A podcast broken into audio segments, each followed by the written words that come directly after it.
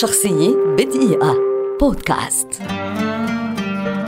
أسامة الروماني ممثل ومخرج سوري كبير ولد عام 1942 ويعد أحد أبرز وجوه التلفزيون والمسرح السوري بين أبناء جيله. هو الشقيق الأصغر للفنان الراحل هاني الروماني. بدأ حياته الفنية في الستينات من خلال أعمال مثل زقاق المايلة وبرز من خلال مشاركته في مسرحيتي ضيعة تشرين وغربة. ثم التحق بمؤسسة الإنتاج البرامجي المشترك في الكويت عام 1979 وأنتج معها مسلسلات وبرامج للأطفال أشهرها افتح يا سمسم وسلامتك. يبقى هناك أكثر من أربعين عاما قرر بعدها إنهاء غربته والعودة إلى دمشق.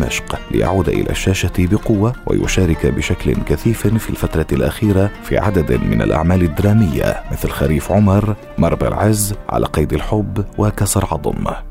قبل الانقطاع امتدت رحلته مع التلفزيون السوري بين عام 1963 ومطلع الثمانينات وأبرز أدواره في الدراما في تلك الفترة كان في مسلسل حمام القيشاني إذ أدى دور العقيد أديب الشيشكلي.